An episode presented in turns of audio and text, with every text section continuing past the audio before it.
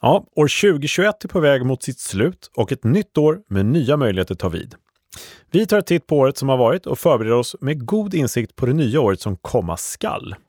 Vi pratar bland annat om potentiella riskmoment under 2022, de i övrigt viktigaste detaljerna att hålla reda på och förstås optionsstrategier av olika slag att överväga för att du ska öka chanserna till en framgångsrik börshandel. Så häng med!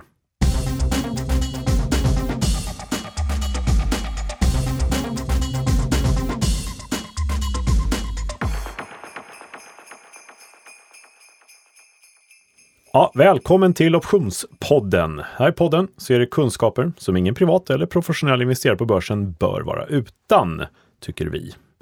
Mitt namn är Kalle Björkegren och Thomas Bernholm står mitt emot mig. Mm. Goddag, goddag. Från Nasdaq. Hur står det till? Tack bra. Hur är det själv, Kalle? Det är bara bra och du står upp. Som vanligt sitter. skulle jag säga. Numera är det som vanligt, ja. Jajamän. Förut satt vi ner och poddade, men vi har tagit oss i kragen och står upp och poddar. Precis.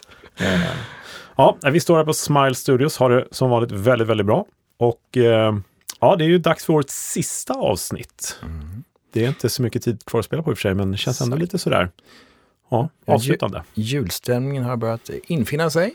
Lite lätt, ja. Mm. Och eh, det är minusgrader ute faktiskt vitt på marken. Det kan vara kul att lyssna tillbaka på sen om 5, 10, 20 år när man lyssnar på det här avsnittet igen, att det var faktiskt vitt på marken så här års. Det är kul, tycker jag. Bra Mm. julstämning, eller hur? Verkligen. Ja.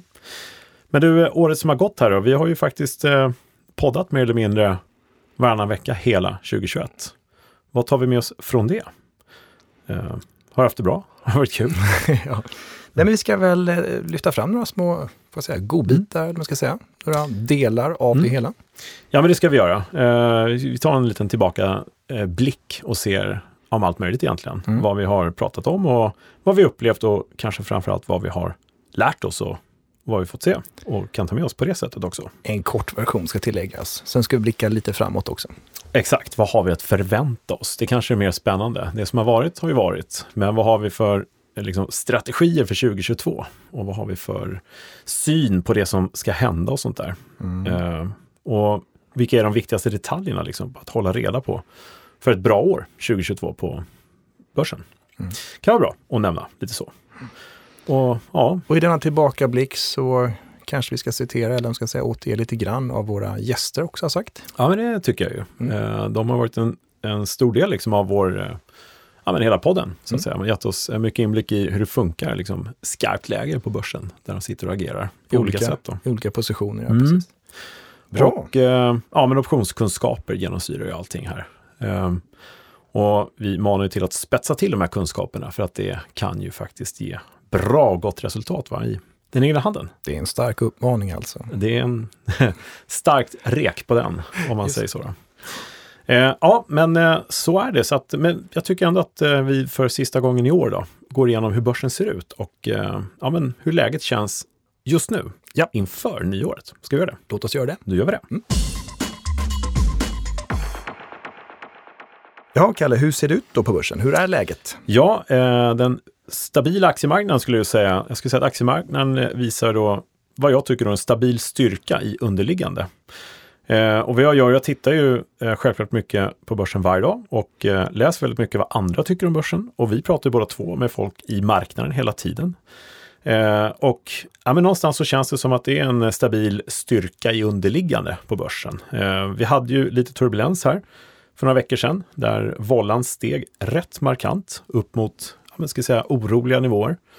Men som tidigare då så har det kommit ner igen till mer normala nivåer, godtyckliga risknivåer och stabiliserats. Och eh, tittar man på vårt eget index här till exempel så är väl 2300, så här 2300 en ja, men, nyckelnivå sådär. Och nu kra kravlade vi oss eh, över den igen. Då.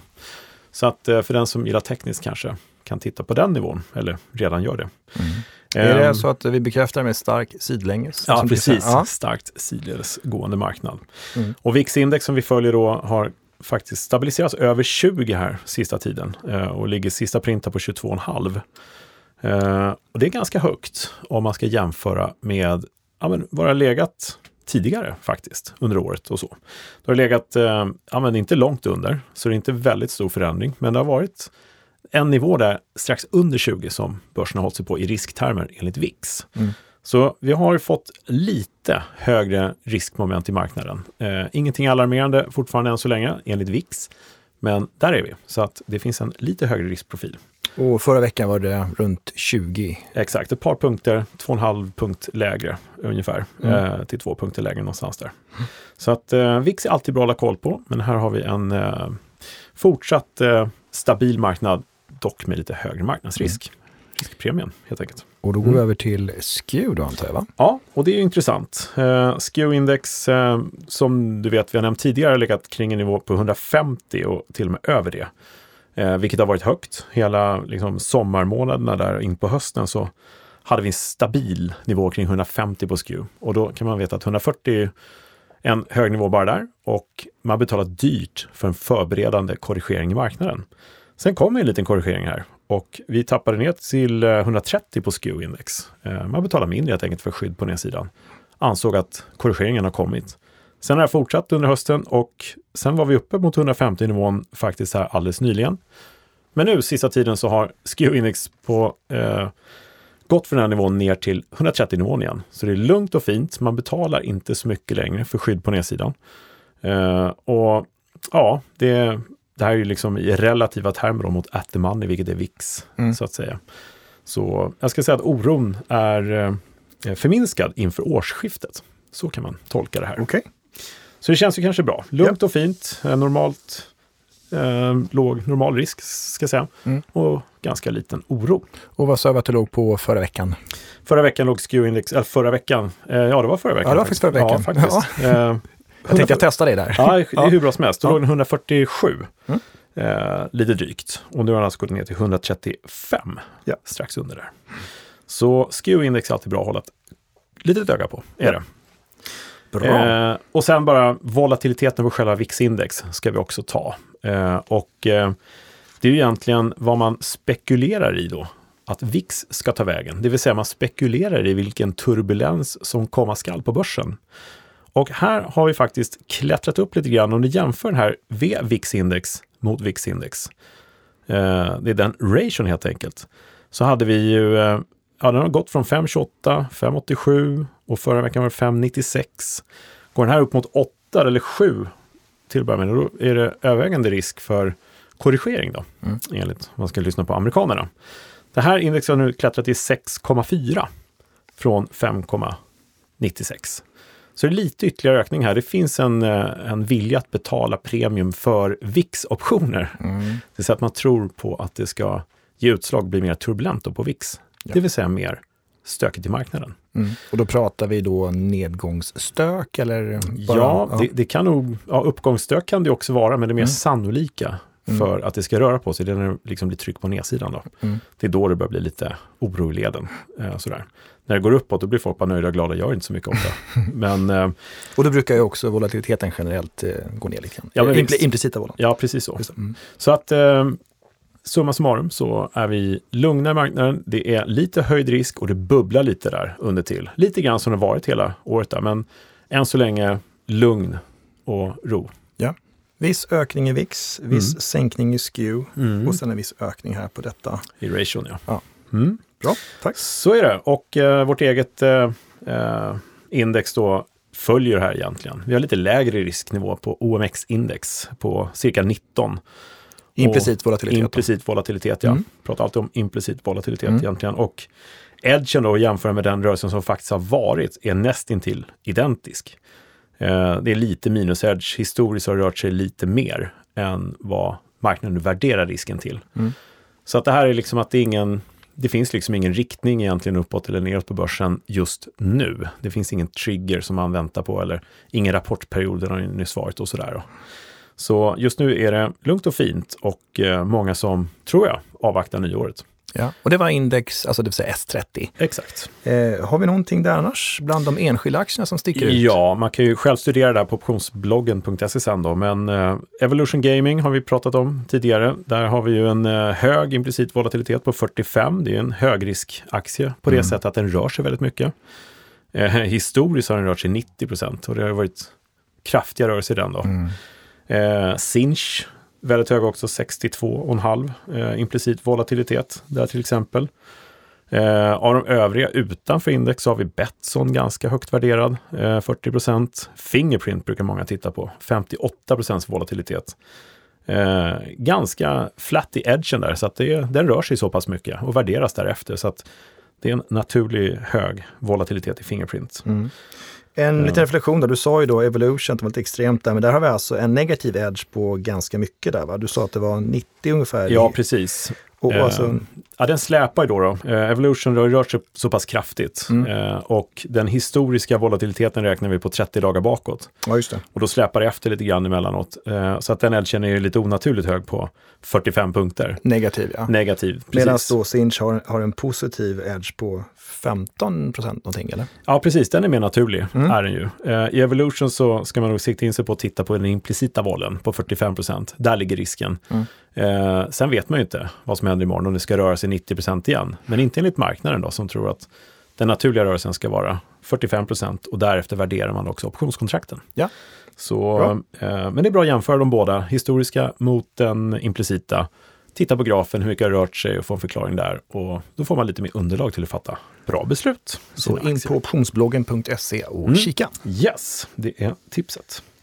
Så det var lite kort om eh, marknaden eh, sådär inför årsslutet eh, här, Mm. inför spurten. Nu vet vi, ska jag säga det som reservation också, vi vet ju inte vad som händer imorgon. Och det kan ju Nu komma... blir jag besviken. ja, ja, jag vet det, men jag kan inte säga. Men du jobbar på börsen, du vet ju. Ja. Ja. Nej, men det kan alltid, eh, allting kan ändras på en eh, femöring så att säga, som man säger. Men eh, så ser det ut just nu Ja. och eh, det känns ju hyfsat okej, gör det. Bra. Men från börsen, ska vi ta vårt lilla snack om, ja, men, ta tillbaka blick lite grann vad som har hänt, vad vi har gjort, vad vi har lärt oss, eh, så vi kan liksom fetstila lite grann Mm. från eh, det vi har pratat om. Och så se vad vi kan göra inför det kommande året, som kanske kan vara bra. Ska vi kolla på det? Det gör vi. Jaha, Kalle, vad säger du om året nu då som har varit, tänkte jag säga, med innevarande år? Mm. Året som har varit, det lät nästan lite allvarligt. Mm. Vad, hur har det varit? Innevarande år, eller hur? Ja. Ja, det första som slår mig är ju eh, att eh, i inledningen av det här året så var det ganska starkt redan januari eh, på börsen. Och de flesta sa, men det kan inte, det var, det var någon eh, analytiker eller fler som sa faktiskt, ja, men det här kommer att fortsätta upp. Medan andra sa, nej men det kan ju inte stämma, inte så mycket i alla fall. Och man var liksom lite toppad och kände att det var en så stark återhämtning från f- 2020 då, med Mm. coronadippen där och Mm. bara gått rakt upp från det. Och många var lite så här skeptiska. Men börsen har faktiskt fram till idag gått upp med dryga 27 procent 2021. Vilket ju faktiskt är ett enastående resultat. Ja, verkligen. Är det ju. Sen kan man ju orda länge om, eh, du snackar om uppesittarkväll här, ska vi inte ha idag. Nej, vi ska inte prata för Nej. länge om det här. det Nej, vi det ska vi utan- inte göra. Men man skulle kunna göra det, eh, skulle utveckla det här jättemycket. Eh, varför det har gått upp så mycket och Mm. är det låga räntor eller är det bara positivt eller är det bra vinster? Alltså, vad beror det på? Men det vi kollar på, det är ju eh, vilken strategi med, alltså i förvaltning med optioner inblandade naturligtvis, har varit den bästa. Mm. Och eh, kortfattat kan man säga, bara äga aktier har varit bra. Bara äga en termin hade varit bra. Bara äga köpoptioner har varit bra, förstås, nu när vi vet. Men frågan är, vilken roll har tiden haft under året för investerarna? Och då kan vi ju, om man följer en graf här så ser vi att från början av 2021 så klättrade det upp ganska fint första kvartalet, lite mer sidledes fram till liksom midsommar där någonstans. Sen klättrade det på ännu mer i början på hösten. Sen kom en dipp, ganska fint neråt sådär. Mm. Och sen nu på sista tiden så har det både gått upp och dippat lite grann igen. Just det. Så här har vi lite definitionen av varför det kan vara bra då att ha lite alternativ. Sådär. Och eh, jag tror att eh, de topp 10 investerarna i hela Sverige har lyssnat på Optionspodden. Sade han ödmjukt. Ja. ja, nej, men eh, vi har ju pratat om, eh, eh, framförallt då med många av våra fina gäster, om vad, eh, vilka möjligheter vi faktiskt har med Mm. optionskontrakt, vilket är faktiskt med respekt och vi försöker förmedla här.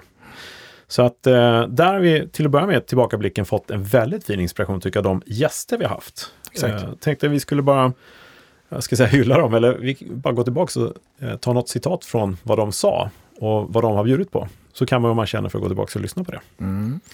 Eh, och vi började med Håkan Walden eh, tidigt, med, Från Nasdaq. ja, från Nasdaq, produktchef för aktie och indexderivatprodukter. Va? Eh, och han berättade om det viktiga för alla optionshandlare, vad som händer när man räknar om kontrakten och sånt där. Eh, och det är kanske här lite svåra som man inte känner till och så, men, eh, och det behöver man inte, man får ju meddelanden om allting som man behöver veta. Men han sa ju, eh, citatet, att potentiellt stora prisrörelser kan ju komma till följd av en bolagshändelse. En emission eller split eller avknoppning eller något sånt där. Så det är väldigt bra att hålla koll på de här corporate actions eller Mm. de händelser. Och han har varit med två gånger. Ja, det stämmer Avsnitt 30 och 44. Precis. Eh, och ja, men bra att lyssna på faktiskt. Mm. Eh, ett kort samtal vi hade där. Eh, senast också, ja. Precis. Sen hade vi Magnus Linder från Robur. Han eh, sa någonting som jag gillar. Volatilitet är ledordet i all optionshandel. Mm. Och det är verkligen så. Mm. Eh, där har vi mycket nytta, mycket information att hämta. Mm. Han sa mycket klokt och inspirerande också. Han pratade terminshandel och ESG Mm. och annat också. Så och det, Puttar och sånt där. Avsnitt 31 hade, hade vi med oss Magnus. mm. Eh, vi hade också Nikos Georgelis från eh, Atlantfonder, hedgefondsförvaltare.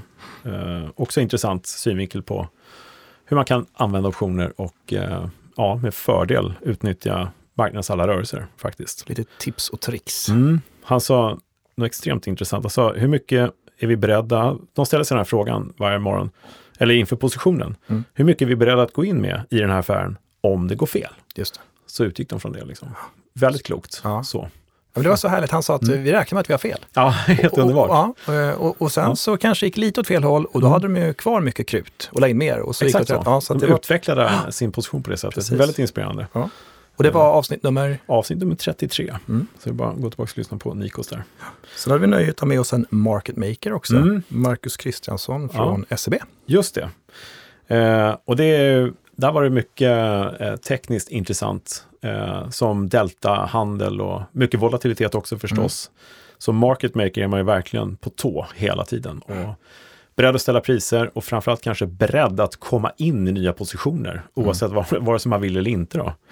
Och han sa ju det att eh, eh, det första vi gör i en position som vi får är att täcka deltat. Den omedelbara risken. Liksom. Ja, precis. Mm. Köper sig tid liksom här nu helt enkelt innan det rör på sig vidare och, Mm. och sådär. Och han pratar lite avancerad skalpning och gamma och Mm. teta och hur han behandlar positioner, man ska säga, hanterar. dem. Oerhört intressant. Så Mm. det för den som är mer, eh, vad nära säga tekniskt, men den som är lite mer i den högre skolan, Mm. intresserad av vad man faktiskt kan göra med sin portfölj i det kortsiktiga perspektivet, för det mer aktiva, ska definitivt lyssna på eh, Marcus en gång till. Och det var avsnitt... 35 Just var det. Och sen hade vi Issa Sener också, Mm, från, eh, också från SEB. just det, Fast som är institutionell derivatmäklare. Exakt, instmäklare. Eh, och som instmäklare pratar med de stora kunderna förstås. Eh, och som spinner i nätet verkligen där Mm. det händer. Eh, och han kommer ihåg sa någonting väldigt bra, det gäller att vara påläst. Sådär. Mm. Eh, och det kanske är, ja, det finns få som är fler, eller mer pålästa än, än instmäklare som Issa. Mm. Som pratar med alla som vill ha den bästa informationen hela tiden för att göra bra affärer och rätt affärer kanske. Exakt. Och hänger med i allting förstås. Från, Hela tiden, ja.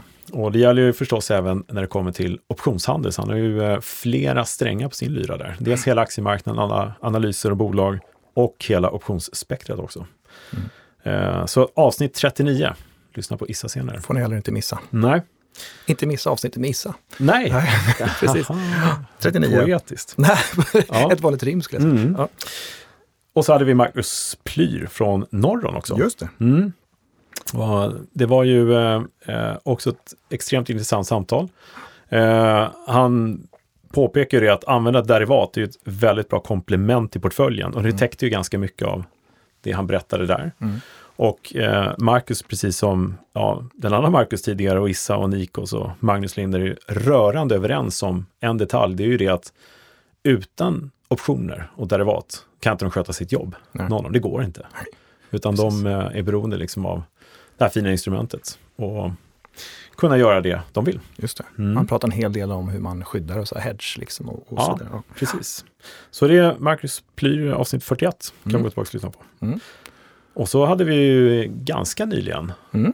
eh, Agneta Jönsson. Analy- analytiker, ja. Precis. Från, Dagens Industri. ja, och det Också var jättetrevligt samtal. precis. Eh, och ja, ja, det var ju superhärligt att ha henne här Ja. och få höra liksom från den lite andra sidan. Eh, hur det funkar liksom från redaktionen och hur hon ser på saker och ting. Hon var, är också väldigt duktig på optionshandel. Verkligen. Hon har suttit som mäklare tidigare också och Ja. tips och tricks där. I samma tradingrum som du och jag. Ja, som oss, precis. faktiskt ju. Eh, Eh, hon sa någonting i, eh, som jag reagerar på också som väldigt praktiskt. Det här med att skriva en artikel och kanske en analys eller någonting sånt där kan ju bli invecklat. Samma sak som det med optioner. Hon sa att man ska göra det så enkelt som möjligt för läsarna. Eh, är liksom utgångspunkten när man skriver. Och det tycker hon gör också i sina mm, artiklar. verkligen. Och det tar vi med oss här också till. Det kan vara applicerat på tittarna som brukar säga också. Trackar mig att jag sa tittarna. äh, förlåt, Ja. lyssnarna. Ja, Men sen så har gärna. hon också en bra grej, om man har till exempel blankat en aktie så kan Mm. det vara bra att köpa ett stopp i form av kanske en köpoption och sådär. Så att lite Mm. sådana tricks också. Så, och det var avsnitt nummer 45 sa vi, ja, alldeles nyligen. Ja, precis. Två Mm. avsnitt sen bara. Bra! Ja, så nu har vi oss själva som gäster. Men det är kul att, att liksom se tillbaka vad mycket fin feedback man får och vad mycket intressanta stories man får. Och det här, alla har ju sina egna eh, historier och vad som har hänt på desken och mycket som man kan ta till sig av där. Mm. Eh, så den som vill utvecklas eh, ja, upp next level ska definitivt lyssna på våra gäster. Jag inspireras. Mm. Mycket bra. Yes. Ja, så, var- det är lite året som har varit. Ja. Börsen har gått upp, vi har haft bra gäster och ja, Ja, men jag Någon- måste bara anknyta lite till det du sa. Många trodde väl att det inte skulle upp så mycket. Mm. Och det var de flesta frågor som du fick in till podden var lite grann, hur hanterar jag risken här? Och jag tror inte det kommer upp så mycket, hur ska jag skydda Nej. mig? Och vi pratar mycket om sånt. så.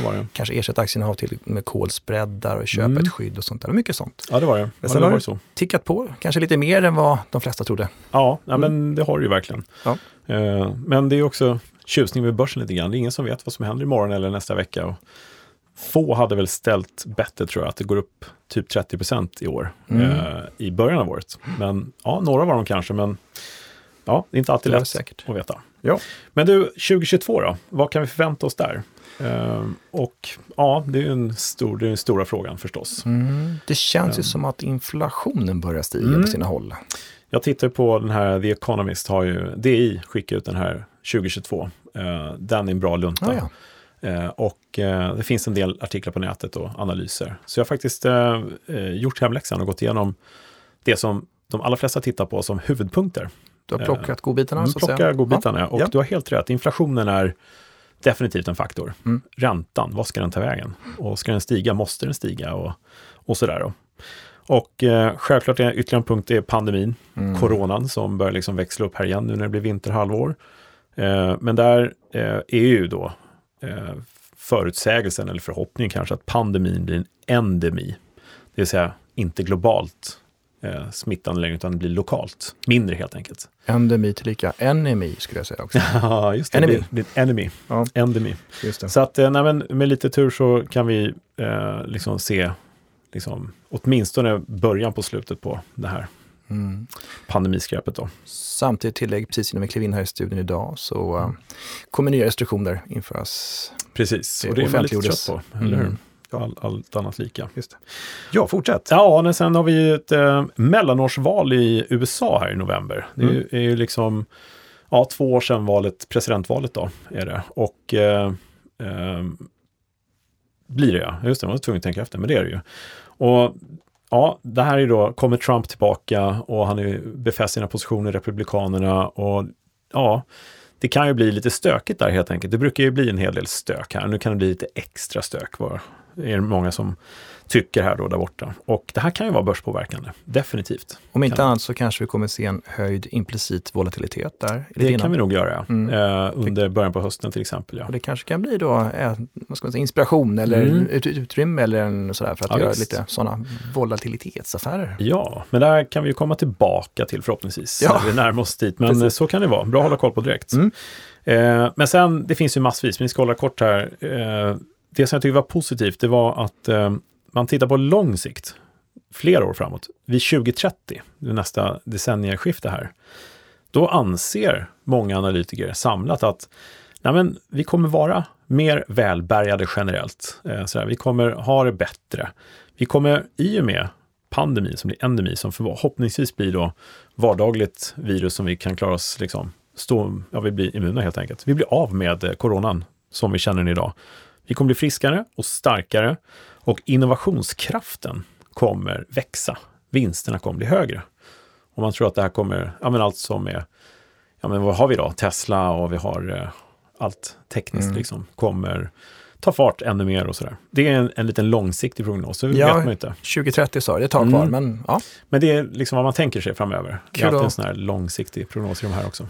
Kul att se fram emot någonting Så positivt. köpa en sjukt lång kol, så kanske man kan Ja. tjäna på den. Ja. Mm. Men sen också, sist men inte minst då, under 2022, hur kommer volatiliteten se ut här? Och det här är ju högst upp till oss själva så, att analysera då. Men jag har tittat lite grann på hur volatiliteten har varit, eh, alltså tidigare år och vad som har hänt efter åren varit positivt och lägga till lite faktorer som kanske okända sedan tidigare också, som man får göra, som corona till exempel. Och vad händer med den? Och just de punkter vi nämnde.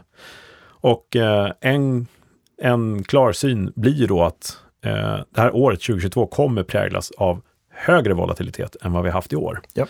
Och det kanske vi redan sett lite av nu i slutet på det här året. Då. Så eh, det är inte alls otroligt eller osannolikt att vi får lite mer rörelser på börserna Mm. framöver här. Och med lite mer, det kan ju faktiskt bli en trigger också, det skulle bli mycket mer var det någon som sa. Eh, så vi får väl se. Det kanske blir väldigt rörligt sidlänges också, som du brukar säga. Ja. Så, Ser du några risker? Sådär. ja, eh, en klar risk eh, rent generellt, som har varit med många år, så är det ju att optimismen är väldigt hög. Det har gått upp 30 procent och då brukar man gärna vilja eh, rida på den vågen. Man tänker att nu går det så bra så kommer alltid gå bra. Och man har för hög optimism efter ett starkt börsår, möjligen. Och vid något år här så hade vi eh, en januari där det gick ner väldigt, väldigt kraftigt. Det är ingenting som indikerar att ska göra det nu, men vi vet som sagt inte vad som händer imorgon. Mm. Vi har haft ett bra börsår bakom oss och optimismen kan komma på skam. Det är nästan alltid när man inte förväntar sig saker och ting som att det går neråt. Då. Så det kan vara en risk till exempel. Covid är en annan risk förstås. Eh, Vi vet inte vad det tar vägen. Eh, Med god förhoppning och tur så eh, börjar den vika hädan, pandemin. Mm. Men det är en risk förstås att det blir bakslag. Tyvärr. Någonting om stimulanserna? Eh, Ja, det är ju typiskt den här vanesak också. Vi kanske inte förstår hur mycket stimulans som kommer in till marknaden varje dag, egentligen varje månad. Mm. Och de pengarna måste ta vägen någonstans. Och det kan ju vara en förklaring till att börsen har varit så stark Mm. i, under lång tid här, de sista 15-18 månaderna. Och om det nu blir inflationsrace och om det nu händer någonting med räntorna och de här stimulanserna kanske ja, men, trappas av lite grann, vilket de i eh, stor del faktiskt redan har gjort ju. Ja, då kan ju liksom, trots alla prognoser om att räntorna i Sverige till exempel, de ska ju vara stabila under hela året och sådär, men Mm. det kan hända någonting. Absolut. Och om det nu blir någonting som går fort här, ja, då är det ju klar risk, för det är vi inte beredda på riktigt, kanske.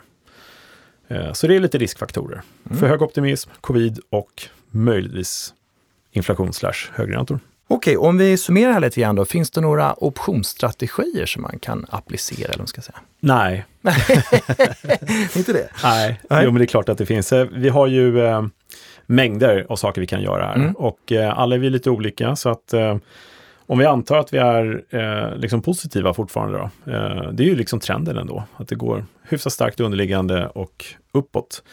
Ja, lång position, du har till exempel en såld put. Eh, det är en lång position, du har call spread upp till en viss nivå. Ratio mot innehav vet jag att du gillar till exempel. Mm. Eh, inför en rapport kanske eller någonting sånt där, om man tror på en större rörelse i närtid. Ja, Kanske. eller bara en begränsad rörelse också. Tickar Ja. sakta uppåt liksom, få lite extra. Ja. Precis. Men sen var du inne på det här, eh, i och med att det gick så bra då innevarande år, Mm. man skulle kunna köpa en option med lång löptid som inte är så känslig för tidsvärdeserosioner och sådär.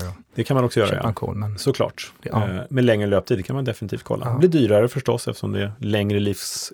Eh, exakt. Och större risk då förstås. ja, men visst. Precis. Det finns mycket man kan, vi nämner några i alla fall. Ja, precis. Eh, och eh, jag tror många har hört tidigare avsnitt med, med strategier också. Vi Mm. bara gå, backa tillbaka ju annars.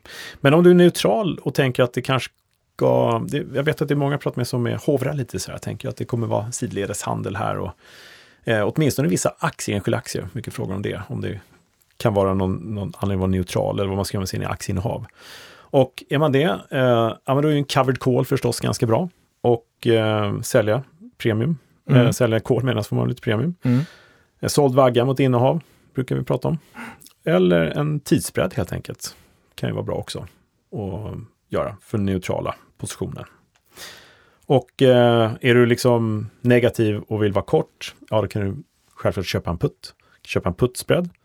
göra en protective put på det enskilda innehavet. Mm. Det är lite mer hedge, Mm, men det är fortfarande en, eh, en, eh, ett skydd eller en kort position sådär. Och, eh, eller du kan skydda din portfölj med terminer, kan du också göra.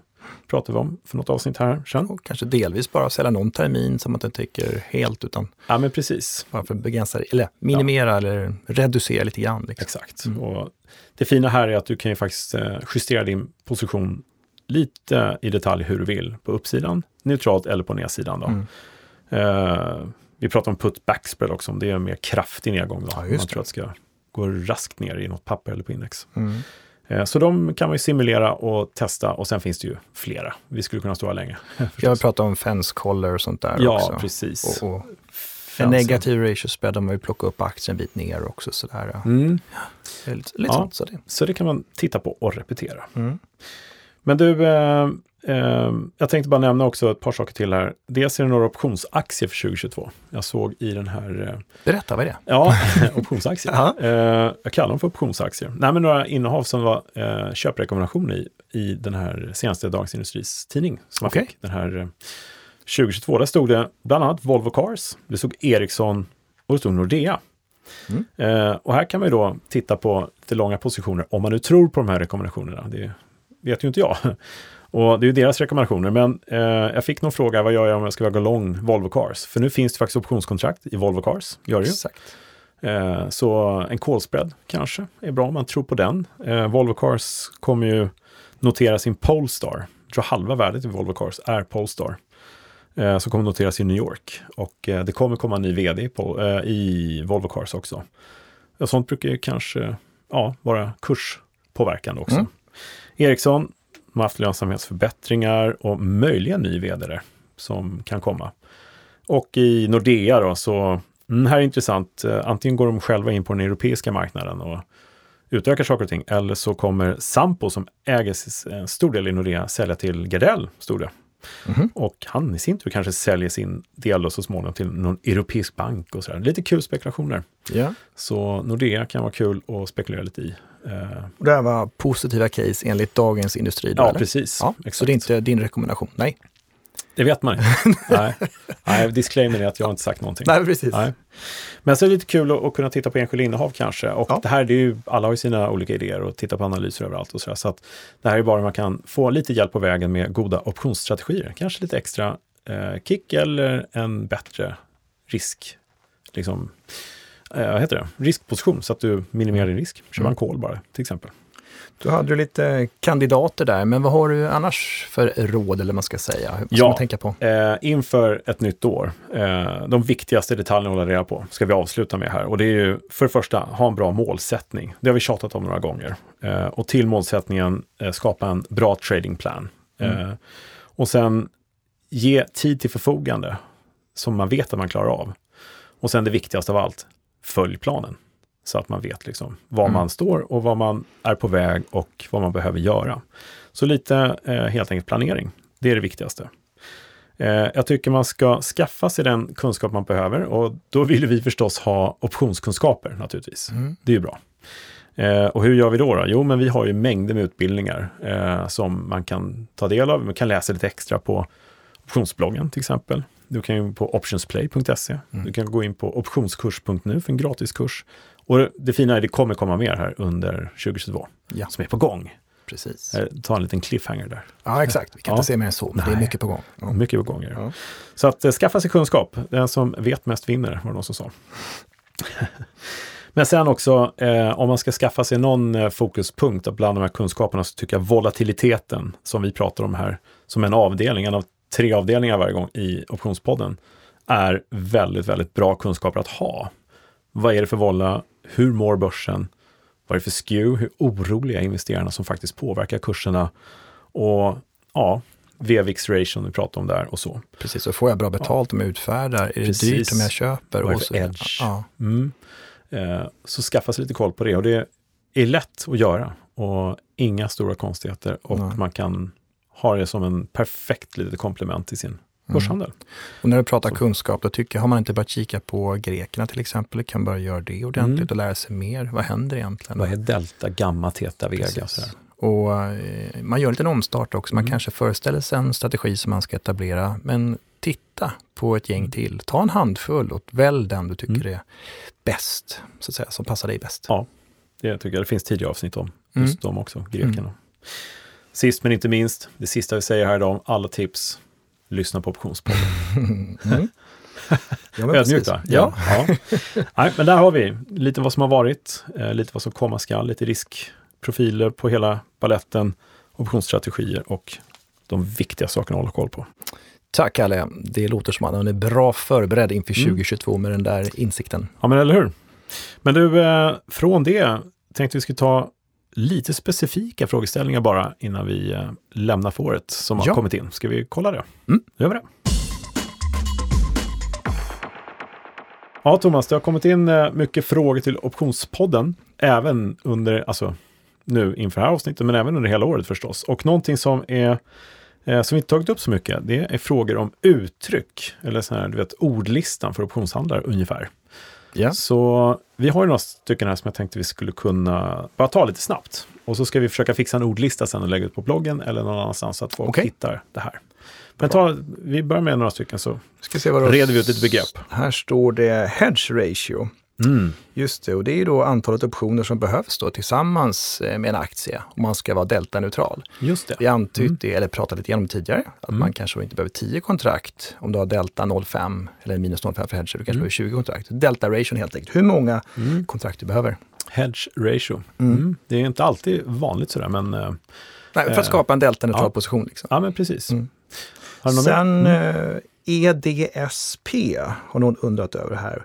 Och det är alltså Exchange Delivery Settlement Price, Ja, EDSP. det är helt enkelt snittindex på lösenfredagen Ja, på index kanske. volymvägda till exempel. Ja. Då får man ju ett pris som man avräknar mot. Liksom. Ja, just det.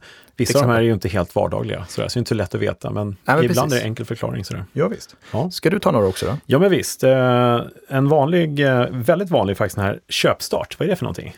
Eh, och det är ju Det då... där är gamla uttryck, tänkte jag säga. Men, Ja, ja, det hör men- man inte så ofta nu för tiden. Nej, ja, ja, det är några som eh, hör av sig i alla fall. De kanske läst gamla Jo, men det, st- det står i vissa back-office-system också. Jag tror det. Ja, ja, och jag tror det står i någon tidning, eh, så här, köpstart, eh, någon artikel läste jag. Ja, okej. Eh, Ja. mm.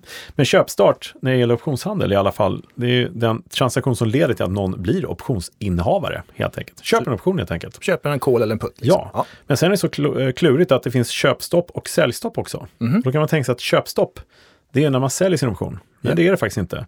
Ett köpstopp är den transaktion där säljaren av optionen, utfärdaren, återköper sin option. Alltså Ja. kvittar. Mm. En kvittning av utfärdaren. Då. Så att om du har utfärdat en option och köper Mm. tillbaka den helt enkelt. Mm, då är det köpstopp. Just det. Men om du har säljstopp, då är det den transaktion där optionsinnehavaren återförsäljer sin tidigare köpta option. Alltså när man säljer den igen. Mm. Jag gillar ordet återförsäljer. Ja, Så jag precis. verkligen läsa innantill. Ja. Eh, Men, men det där är ju Mm. inte några vanliga begrepp. Jo, alltså, det är så att man använder sig av dem, så att man kanske ska undvika dem om man Ja. inte är helt säker. Nej. Men, det där är bra Lite reda ut. kuriosa, Ja, om dyker, på, dy- dyker man på den så kan man eh, Mm. veta vad det handlar om i alla fall. Mm. Men eh, den frågan kommer. Men sen får också en lite mer vanlig fråga och det är vad OTC är för någonting. Mm. Eh, OTC i begynnelsen är ju i alla fall over the counter, står det för, gör det fortfarande. Och eh, ja, det är egentligen icke-standardiserad handel.